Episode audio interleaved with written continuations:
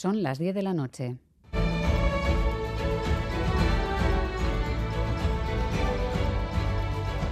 Radio Euskadi y Radio Vitoria.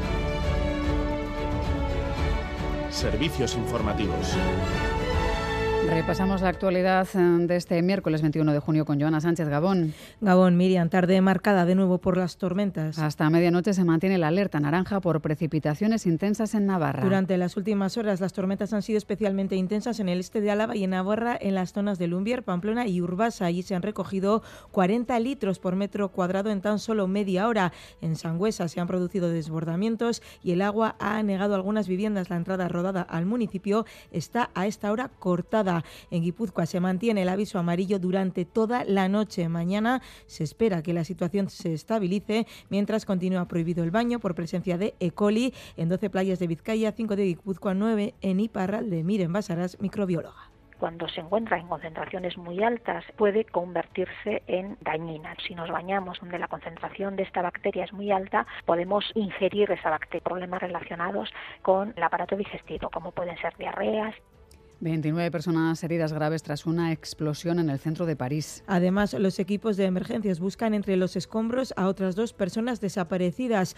La deflagración se ha producido en el Distrito 5 y ha provocado el derrumbe de la fachada de la Paris, de la Paris American Academy y ha afectado a otros inmuebles. Un escape de gas habría causado la explosión. Hay una investigación abierta. Lauri Becu, fiscal general. Les investigations débutent. Elles débutent dans le cadre d'une procédure pénale qui est ouverte sous des chefs de La zona ha sido desalojada y las autoridades piden a la ciudadanía evitar la zona. Euskal Herria Bildu mantendrá la alcaldía de Bermeo. Nadia Neme Somali será la nueva alcaldesa de la localidad tras la dimisión de Asier Larrauri. Euskal Herria Bildu y la plataforma vecinal Gusán llegaban a un acuerdo ahuyentando así los rumores de crisis. Escuchamos a Xavier Ortuzar de Gusán hemos sentido más incertidumbre por, por los medios y eso que por nosotros mismos. Pues será lo más normal pues que tengamos que hablar, reorganizarnos y, y en eso hemos andado. Solo que desde fuera pues se ha hecho una bola más grande, la verdad.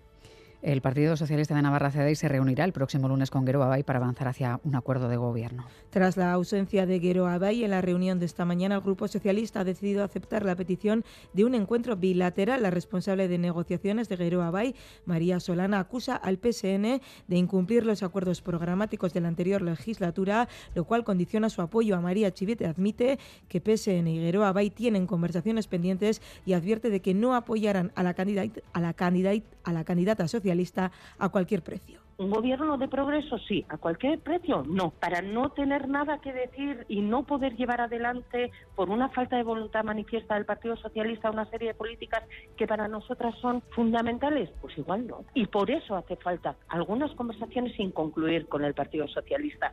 El Endacari urge a Pedro Sánchez a la creación de la macrorregión atlántica. 17 cámaras de comercio del arco atlántico del norte de Portugal, Galicia, Asturias, Cantabria, Burgos, Navarra, País Vasco y también Nueva Aquitania han firmado una declaración para reclamar la creación del organismo y acelerar las actuaciones ferroviarias. Íñigo Urcuyu ha trasladado la petición de forma oficial al presidente del Gobierno. Como Lendakari y presidente de la Comisión Arco Atlántico, he solicitado formalmente al presidente del Gobierno español que la creación de la macrorregión atlántica se incorpore como prioridad a la agenda de la presidencia española del Consejo de la Unión Europea que arranca el próximo 1 de julio.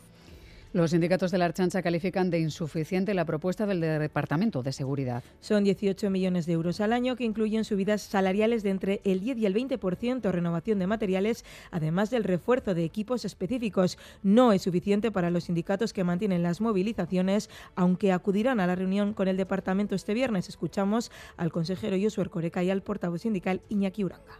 Yo estoy convencido de que la propuesta es buena. Yo lo que aquí haría es un llamamiento al realismo y a la responsabilidad institucional. Mañana 22 subiremos al Parlamento, el 27 tenemos una gran manifestación en Vitoria-Gasteiz y vamos a pelear hasta el final para que este Departamento de Seguridad atienda al colectivo de la Archancha y no le siga dando la espalda.